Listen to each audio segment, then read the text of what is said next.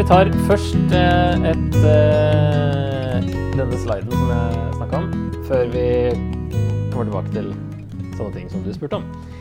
Eh, av og til i det siste så har det blitt sånn at jeg, når jeg prøver å lage en sånn slide, som det heter, så ser jeg av og til for meg liksom jeg prøver å ja, blir, Jeg får liksom en slags sånn bildestruktursak som jeg prøver å, å få ned. da, Og da blir jeg sittende noen timer med én slide. og det skjedde her. Og det er sånn som man, man må liksom være litt Kan ikke være for uh, liten tid til å få det ferdig, for plutselig så bruker jeg en halv dag på én slide. liksom.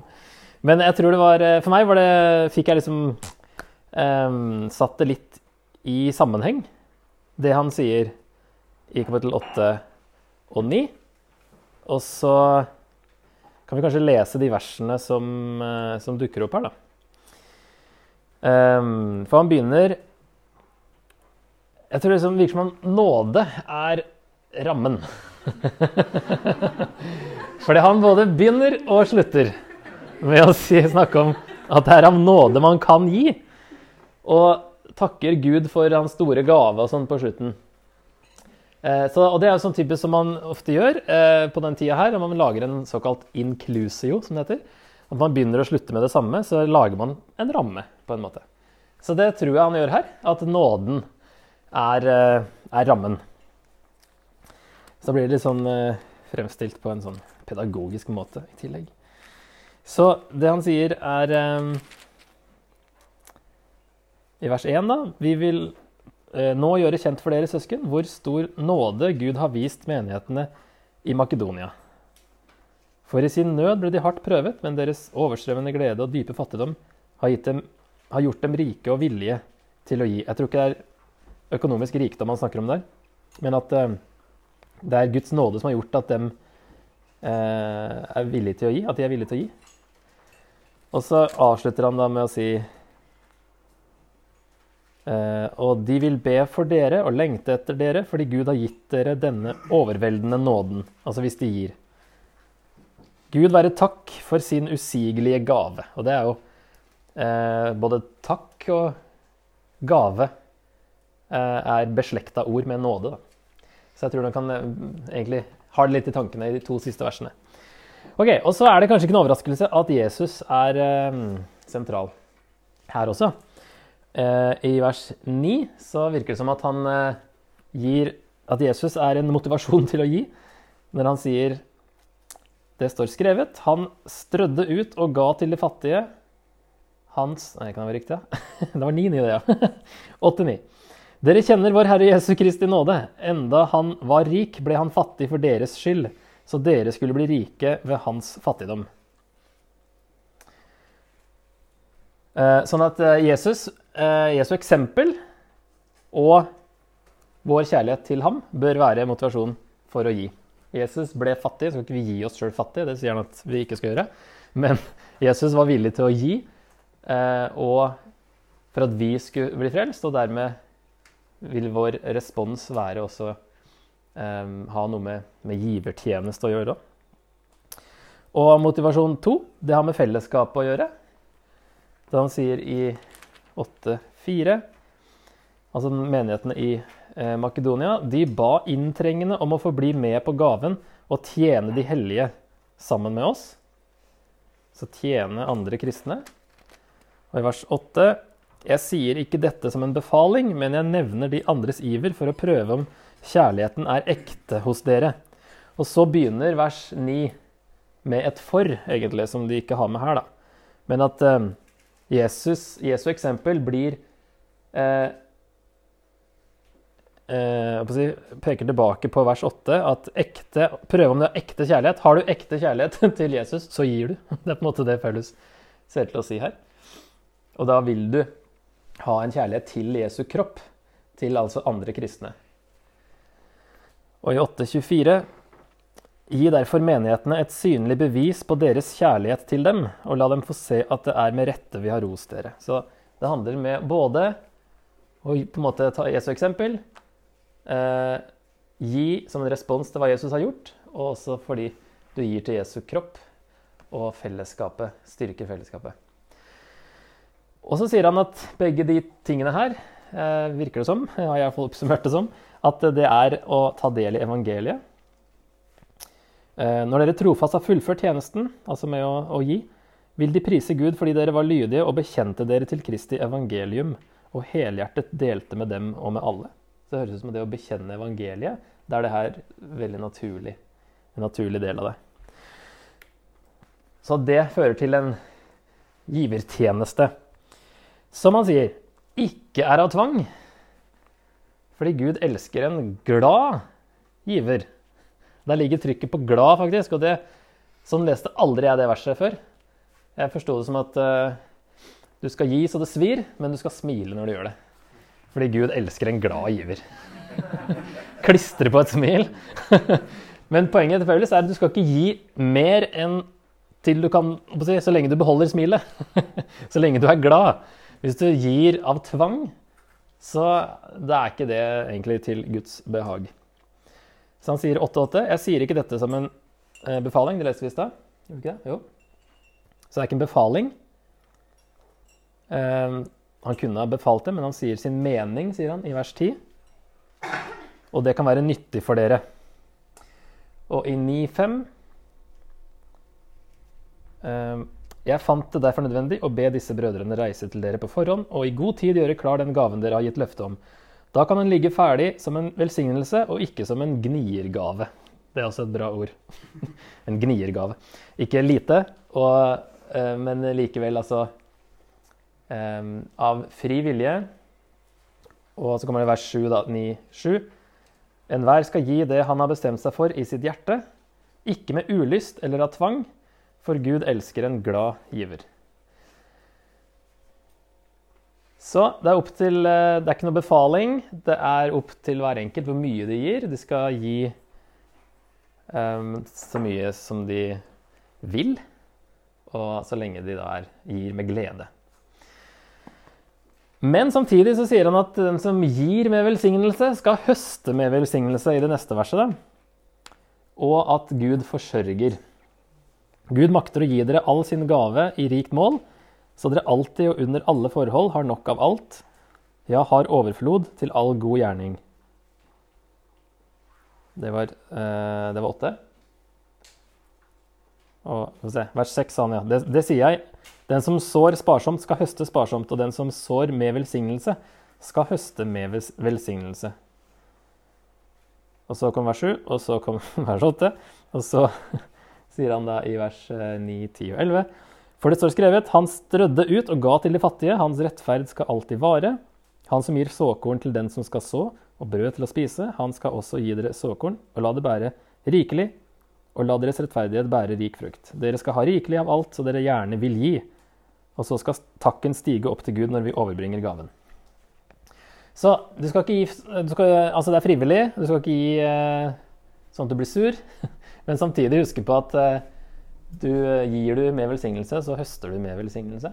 Og ha tro på at Gud sørger, forsørger, um, også når du, når det gir. Men det betyr jo ikke at vi skal gi for å få.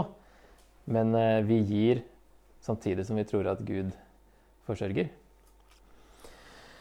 Så sier han givertjeneste er gudstjeneste i 9.12. Denne tjenesten, denne gudstjenesten, forklarer han det som der. At det er en måte å tjene Gud på, som da på en måte kommer tilbake til, til Jesus på den måten.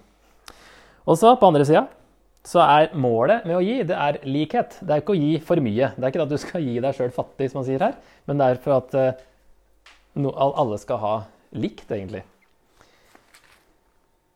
Han sier om menighetene i Makedonia at de ga etter evne i 8.3. Ja, over evne og frivillig. Det kan jeg bevitne. Så de ga faktisk over evne. De ga mer enn de egentlig kunne. Eh, så det, det, går an, men du, du, trenger ikke å gjøre det. Han sier da i vers 12 13 kanskje, da. Det er jo ikke meningen at andre skal få hjelp og dere ha det trangt, men det skal være likhet. Denne gangen har dere overflod og kan hjelpe dem som lider nød. En annen gang har de overflod og kan hjelpe dere når dere lider nød. Da blir det likhet.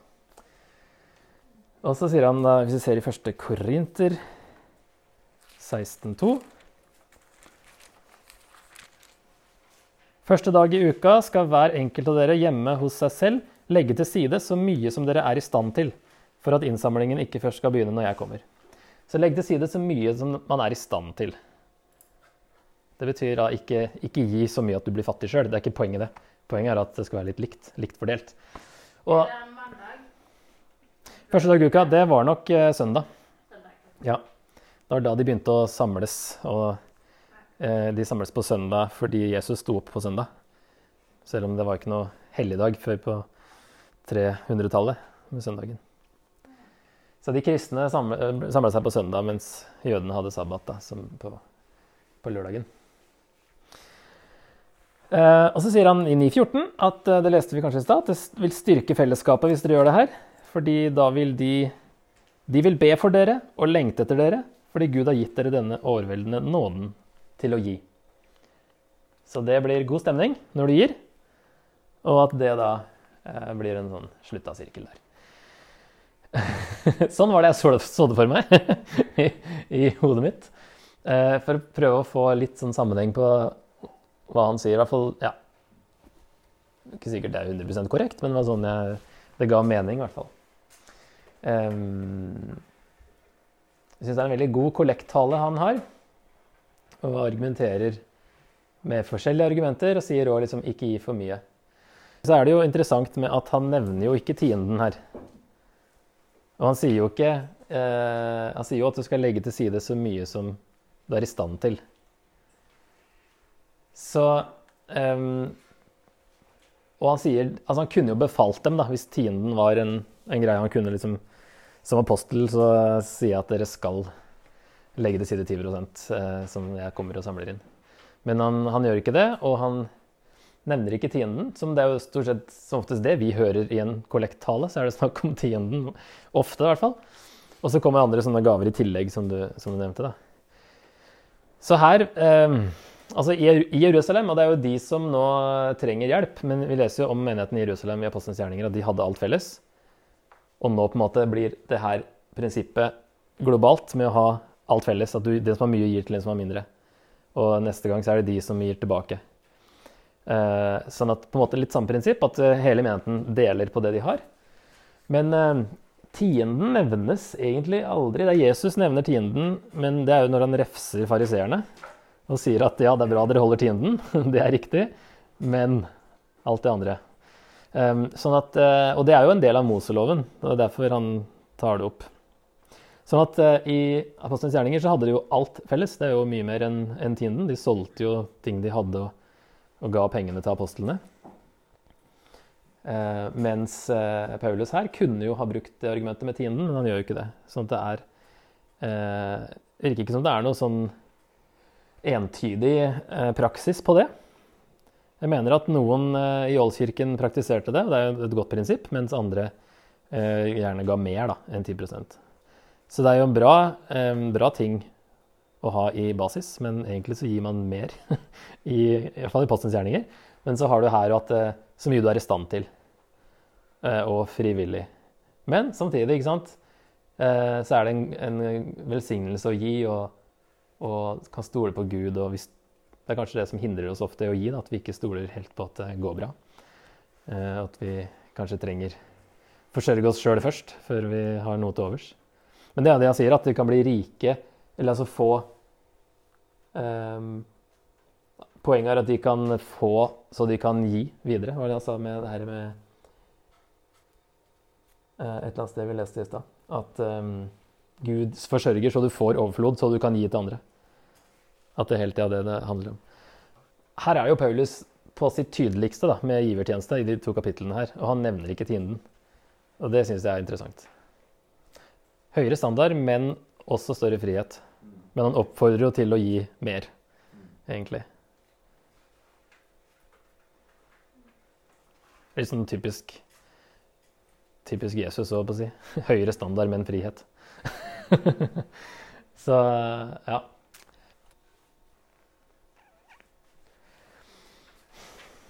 Så det var jo veldig raskt, egentlig. Um, kapittel 8 og 9.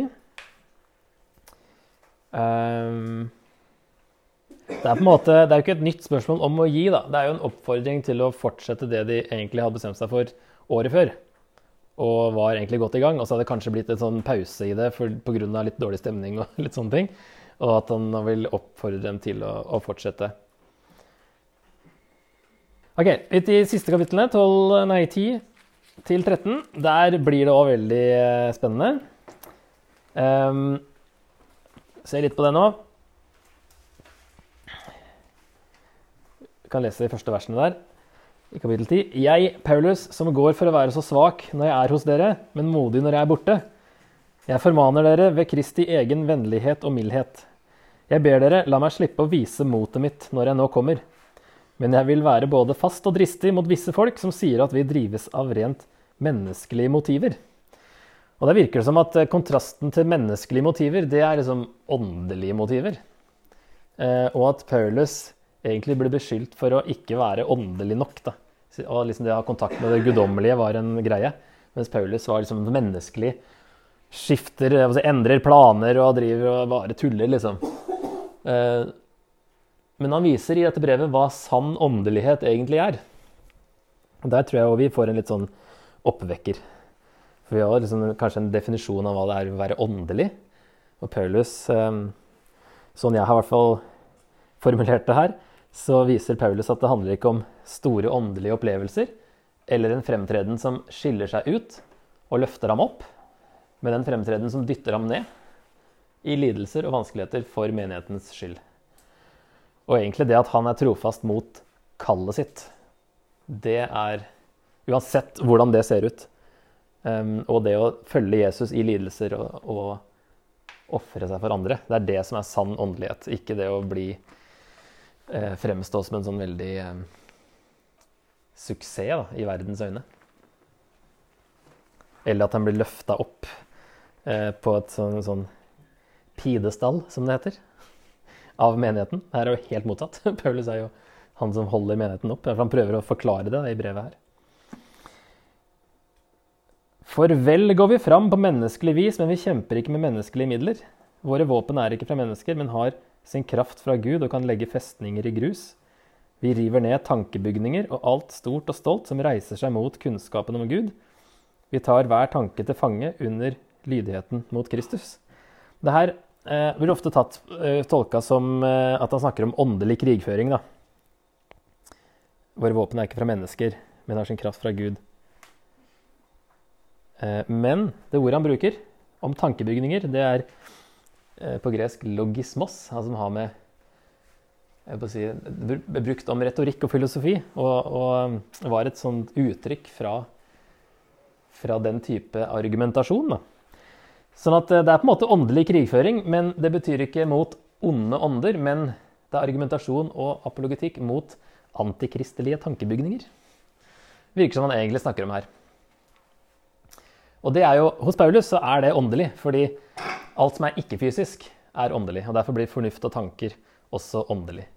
Så åndelig krigføring Vi tenker på onde ånder osv., men hos Paulus er det òg faktisk Han bruker ikke det uttrykket, da, men eh, han snakker her, virker det som, siden han bruker det, det logismos-ordet, at det er om eh, argumentasjon og resonnering og apologetikk. da. Um, og så snakker han videre eh, fra kapittel, nei, vers 12 til 18, den siste biten av kapittel 10, at disse andre motstanderne de fokuserer på seg selv og sammenligner andre med seg selv. Bruker seg sjøl som målestokk, står det, mens Paulus fokuserer alltid på korinterne og på den tjenesten Gud har gitt ham. Han bruker Gud som målestokk og ikke mennesker. Det er en viktig forskjell mellom de, at eh, Paulus lar Gud måle seg og har sin identitet på en måte i Gud, og hvordan Gud ser på han, og ikke hvordan mennesker ser på han. Mens de motstanderne, da Det er de som er menneskelige, og ikke Paulus som blir beskyldt for det her. Så hadde jeg et sitat som jeg syntes var veldig bra, eh, som gikk på det her med, med disse tankebygningene. Og at det er en form for åndelig krigføring. En som heter Andrew Fellows, som, eh, som sa dette her. Eller sånn fritt uh, gjengitt. We fight in the world of thought. Evangelism is the fight for the minds of people. The world of ideas is where the real evangelism takes place. There is a divine power in the weapon of ideas to demolish strongholds. Ideas change lives. Det syns jeg er en interessant vinkling på det åndelige. At det har med tanker og fornuft å gjøre. Og at det er, det er en, en, kamp der òg. Og at uh, det er ikke alltid snakk om, om uh, ånder, selv om noe er åndelig. Og så blir det veldig gøy når Paulus begynner med Når han kaller seg sjøl for uh, at han har gått fra forstanden og sånne ting. I kapittel 11. Han begynner i vers 1 da, med å si Jeg skulle ønske at dere ville tåle litt galskap av meg. Ja, dere får tåle det. Litt sånn forvarsel på det som kommer fra vers 16, når han sier «Eh, Jeg sier igjen, ingen må tro at jeg har gått fra forstanden, men om dere tror det, så la meg være fra forstanden, slik at også jeg får skryte litt. Så det, det virker som at han eh, bruker noe som ble kalt for sokratisk forsvar, som Sokrates sjøl eh, utviklet da disiplene hans ble imponert over kunnskapen til faktisk sofistene, den første runden av sofister, som anklaget Sokrates. Og da forlot han retorikk, og så brukte han ironi for å rettferdiggjøre seg sjøl. Og da ble ens stakkarslighet og svakhet bevis på sannheten av det en hevdet. Det er jo mye av det samme Paulus gjør her, så det passer veldig bra. Og for å forsvare seg sjøl mot falske anklager kunne man ta på seg rollen som dåren, fordi man da kunne komme unna med påstander som ikke vanligvis ville tillates. Og det er det Paulus gjør nå. Han vil jo egentlig ikke skryte, men han skryter som en i vanvidd og en fra forstanden og en dåre. En, I galskap. Så Paulus det er en parodiering av sofistiske metoder og hva som var viktig i en ære- og skamkultur. Det var veldig viktig med å si, Det å miste ansikt var veldig alvorlig. Og det man skrøt av, var vanligvis ikke det Paulus kommer med her. Um, han snur ting på hodet og skryter av ting som ingen andre ville skryte av. I denne lange lista fra vers 22 og utover. Så han sier eh, ja, Han sier at i vers 16 som vi leste, at eh, la meg få være fra forstanden, slik at også jeg får skryte litt. Det jeg sier, det sier jeg ikke fordi Herren vil det. Jeg sier det i en slags galskap. For når så mange skryter av sine menneskelige fortrinn, vil også jeg gjøre det. Dere som er så kloke, tåler, vel, tåler gjerne folk som har mistet forstanden. For dere tåler jo at noen gjør dere til slaver, utnytter og fanger dere, behandler dere overlegent, slår dere i ansiktet. Jeg må med skam tilstå at vi har vært altfor svake til den slags. Jeg har vært for dårlig til å gjøre sånt. Men det de andre våger, våger vel også jeg. Nå taler jeg i vanvidd. Er de hebreere? Også jeg. Er de israelitter? Også jeg. Er de Abrahams etterkommere? Det er også jeg. Er de Kristi tjenere? Jeg sier i mitt vanvidd, jeg er det enda mer. Jeg har hatt større strev, vært oftere i fengsel, fått flere slag og mange ganger vært i dødsfare. Av jødene har jeg fem ganger fått de 40 slagene på ett nær. Tre ganger er jeg blitt pisket, én gang steinet, tre ganger har jeg lidd skipbrudd, og jeg drev en gang et helt døgn rundt på havet. Stadig har jeg måttet reise omkring, i fare på elver og i fare blant røvere, i fare blant landsmenn og i fare blant utlendinger, i fare i byer, i fare i ørkenen, i fare på havet og i fare blant falske søsken, i slit og strev, ofte i nattevåk, i sult og tørst, ofte fastende og uten klær i kulden.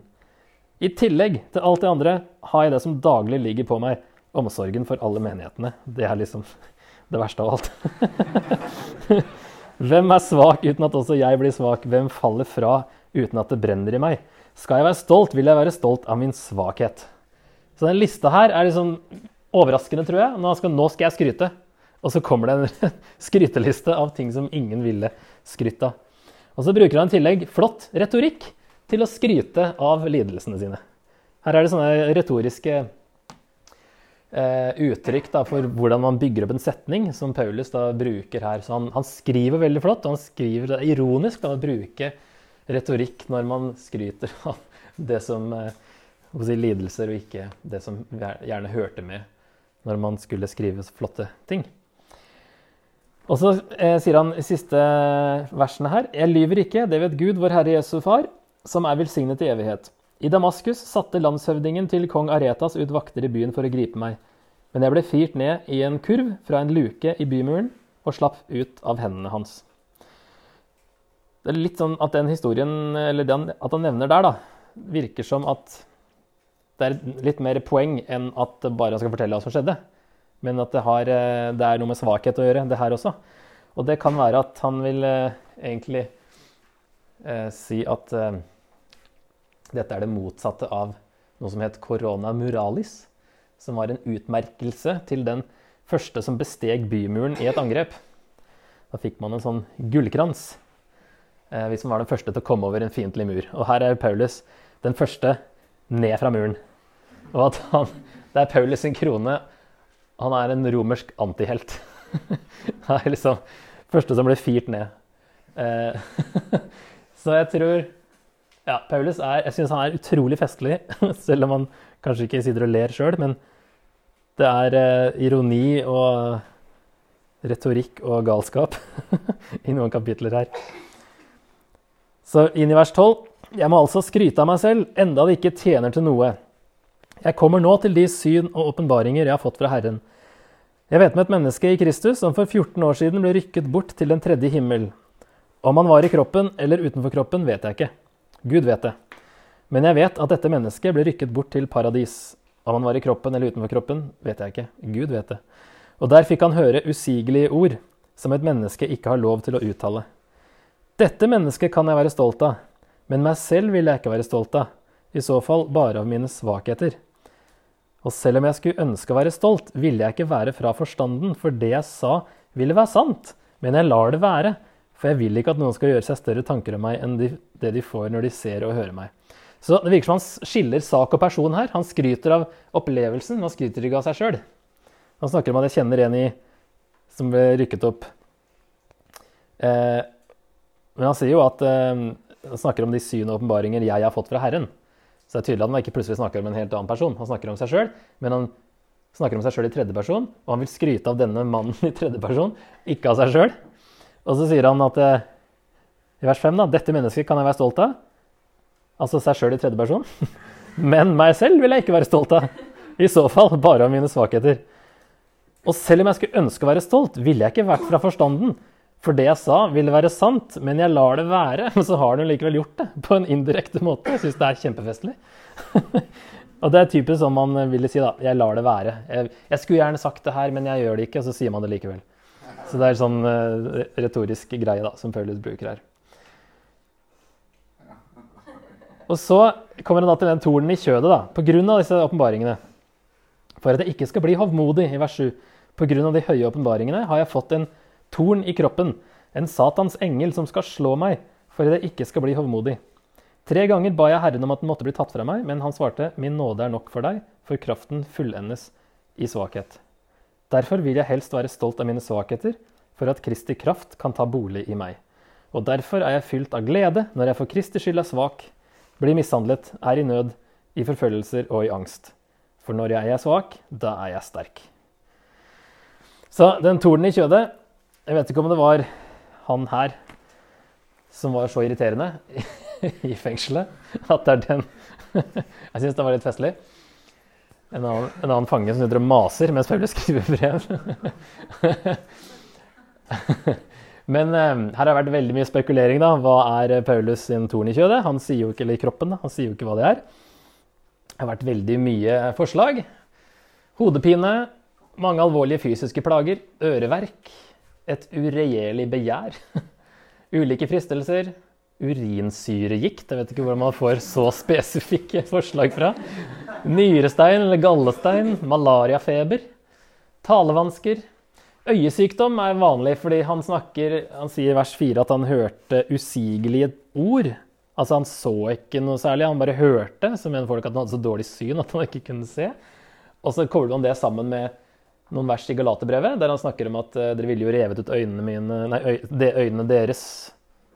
Ikke sant? Som, ja, som man enten kan ta som et tegn på gjestfrihet, eller at faktisk Paulus hadde dårlig syn, og om det var mulig, så ville de gitt ham sine øyne, osv. Og når han sier i 6.11 se hvor store bokstaver jeg skriver til dere, at det er også fordi han så dårlig. Så man kan ta, ta mange sånne til inntekt for det synet. Da. Og det er, den er nok ganske vanlig, at det var en effekt av at han møtte Jesus på veien til Damaskus. At han ble blenda og blind, og at han aldri fikk helt synet tilbake. Det var det jeg skulle si, ja. Så det, det er, liksom, det er en, en, vanlig en som har litt hold i andre vers. da. En lammelse. Eh, stammet og så kanskje rar ut. Fra synene. Jeg vet ikke om endrer utseendet av å få sånne syner. jeg vet ikke. Eh, eller motstanden han møtte i Korint, som han da snakker med en person som Satans engel. Eh, som han har kalt de for Satans tjenere, disse falske lærerne. da. Eh, motstandere generelt, og der finner man støtte i to tekster i GT, der torner nevnes som en metafor da, på motstand, menneskelige motstandere. Eller problemene i menighetene generelt eller stadige forfølgelser. Så mye rart. Og Paulus er kanskje med vilje eh, eh, og sier ikke hva det er. Men er, de fleste tar det som noe, noe, fysisk som ikke er medfødt, men som man kanskje har fått i løpet av livet. Mens noen vil jo ta det som, som motstand. Men eh, det er nok mest, mest, vanlig å ta det som en fysisk greie. Som, eh, som Paulus ber faktisk om å bli helbreda fra, men som han ikke blir er det spørsmål der? Ja, helt på, på vingen. Ja. Eh, jeg har bare hørt eh, eller Du leser i salmen, så står det mange sånne salmister som bare 'Kom ikke i hu min ungdom, synder' og sånn. Ja. Eh, har du noen gang tenkt på at det kunne kanskje vært eh, for, forhistorien eller fortida hans før han eh, kom til ja. tro? Liksom alvoret med ja, Jeg har alltid tenkt litt sånn at hvis jeg hadde vært med, liksom tatt hovedansvaret for at yes, Mm. Og har vi tatt liksom og utrydda nesten hele menigheten og fått brev mm. til og med på det. Mm. Og forfulgt Guds menighet. Uh, ja. At det kanskje kunne plage ham. Det er i hvert fall det jeg Ja, sånn ja. At han ber Gud om å komme over det. Ja, og slutte liksom å plages av det. Det er tydelig at han er skamfull for det hele veien. Og føler seg som den minste av de alle. Og at det er en kjempestor nåde at Gud har valgt han ut til å gi ham den oppgaven. Så det er mulig. Um, det han sier, er jo at um, denne tornen altså Han sier at det er en Satans engel som skal slå meg, hva nå det vil si. Uh, også hvorfor Gud tillater det og ikke tar det bort, det er jo for at han ikke skal bli hovmodig pga. de høye åpenbaringene. Så det må være noe som henger sammen med det. da. Og det er derfor Paulus egentlig ikke vil skryte av det her. Fordi han har denne tornen i kroppen for at han ikke skal skryte av det. og så føler han likevel at han må skryte, men egentlig så skjønner han at det bør han ikke, fordi det er derfor han har denne tornen i kroppen. Hva nå det er for noe. Um, så da er han nølende til å skryte. Gud svarte nei på Paulus sin bønn om helbredelse. Hans nåde skulle ta seg av resten der hvor Paulus ikke strakk til. Men Paulus kunne likevel fullføre oppgaven Gud hadde satt ham til, selv med dette problemet. Så det er jo såpass åpent at det er jo mulig at det kan være noe, noe psykologisk òg som uh, plager Paulus, og han ber om hjelp til å komme over det. Men hvis det da kan ha noe med åpenbaringen å gjøre, da, at han aldri vil føle seg håndmodig pga. bakgrunnen og, Ja, det er mulig, det. At han alltid går og bærer på den og føler seg lav og liten. Den har jeg ikke hørt før, så jeg må sette den på lista etterpå. Så eh, svakhetene våre har sin naturlige plass i tjenesten vår. Det hører jo veldig med i argumentet til Paulus i hele brevet her det at Jesus, eller Gud her, faktisk ikke helbreda Paulus, for han hadde en hensikt med det. Når jeg er svak, da er jeg sterk. Det er et paradoks. Hvordan det er mulig. Typisk sånn kristen paradoks. Hvis vi opptrer som perfekte, blir det ikke plass til Gud. Um, så vi er svake, og det er ikke noe å prøve å skjule, egentlig. Gud kan bruke oss likevel, sånn som han brukte, brukte Paulus brukte Paulus veldig. Og Paulus eh, fylt av glede når jeg for Kristi skyld er svak og blir mishandlet og er i nød og forfølgelser og angst. Det er som Jesus sa. Hopp av fryd når dere blir forfulgt for min, mitt navns skyld. Og det sier Paulus. Han er fylt av glede når han har det fælt, å si, mishandla og er i nød og blir forfulgt. Noen vers helt til slutt. kanskje jeg tenkte å lese. 12.19. Nå har dere nok lenge tenkt at vi forsvarer oss overfor dere. Nei, vi taler for Guds ansikt i Kristus, og alt dette er sagt, mine kjære, for at dere skal bli bygd opp. Paulus forsvarer ikke seg sjøl, han forsvarer tjenesten sin, på en måte, men, han skriver alt dette her for å bygge opp korinterne. Det er noe han vil prøve å få fram. Det handler alltid om dem og ikke om Paulus. Og så sier han i 13,4.: Han ble korsfestet i svakhet, men han lever i Guds kraft. Og vi er svake i ham, men vi lever med ham hos dere i Guds kraft. Det er samme der med at vi går inn i Jesu Det Jesus har kalt oss til etterfølgelse i det også. Svakhet. Vi er svake i ham. Og kan vandre i våre svakheter. Og i vers 5 og 6.: Ransak dere selv om dere er i troen. Prøv dere selv, eller merker dere ikke at Jesus Kristus er i dere? Består dere kanskje ikke prøven? Jeg håper dere vil skjønne at vi holder mål. At han eh, prøver nå å liksom få dem til å innse at eh, eh de må komme tilbake på Paulus sin side, Jesus sin side. Og han er sikker på at de kommer til å bestå den prøven, da, med at de kommer til å merke at Jesus er i dem. Og at det vil få dem til å våkne opp litt. Og i vers 7-9.: Vi ber til Gud om at, må, at, dere ikke må gjøre noe ondt. Ikke for å vise at vi holder mål, men for at dere skal gjøre det gode. Så kan det gjerne se ut som om vi ikke holder mål. Det er det samme for Paulus. Om det ser ut som om han ikke holder mål, det må de gjerne gjøre. For vi makter ikke noe mot sannheten, bare for sannheten. Derfor gleder vi oss når vi er svake, hvis bare dere er sterke. Så igjen så er det det i svakhet for andre, at andre skal bli sterke. Så jeg tenkte rett før eh, slutten at vi må ta, ta noen punkter om det åpenbaringer og syner, og hvordan de passer inn i konteksten av svakhet i andre korintbrev.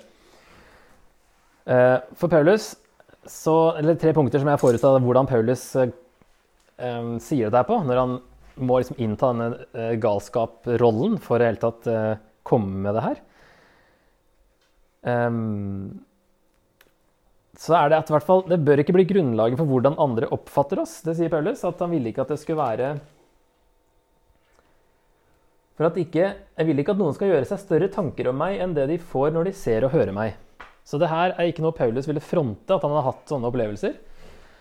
Og vi bør heller ikke la slike ting komme i forgrunnen, men heller holde dem for oss selv. Det er litt ironisk, for det er ofte sånne ting man gjerne vil høre om. Da. Store, spennende åndelige opplevelser. Men Paulus vil egentlig ikke snakke om det.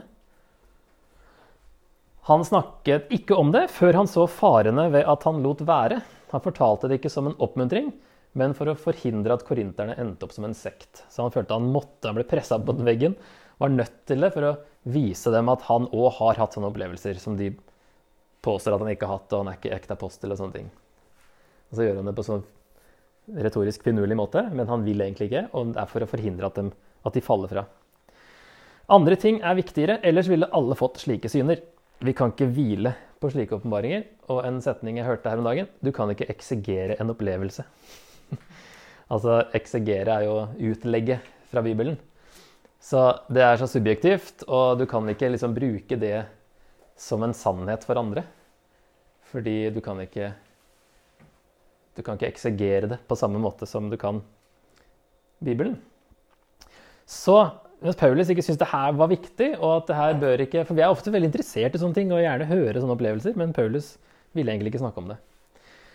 Og jeg tror det som er viktigere, det er jo at uh, Guds åpenbaring Hva er Guds åpenbaring? Don't say God is silent when your Bible is closed i god eh, reformasjonsånd, så er det det som er Guds åpenbaring, og ikke sånne åndelige opplevelser. Er ikke det vi bør trakte etter, men vi bør trakte etter det som står her, som er helt tydelig fra Gud, og som kan eksegeres. Ok, lista over Paulus sine svakheter totalt fra første korinterbrev og andre korinterbrev har blitt ganske lang. og det er ting som han skryter av. Så um, fleste Det er jo én, to, tre, fire ja, Fire lister kanskje i andre kunstprøve, og så er det én i første. Så hvis vi skal summere opp det her, hva er en vellykket leder? Ut fra hva Paulus skriver i dette brevet her, så er det en som møter motgang. Allerede så er det litt sånn, eh, litt sånn mot, Eller litt overraskende at suksess er å møte motgang. Holder vi, ja, eh, En vellykket leder holder ut motgang, så Gud kan gi liv til andre gjennom hans eller hennes tjeneste. Later ikke som han eller hun er perfekt, men innrømmer sine svakheter.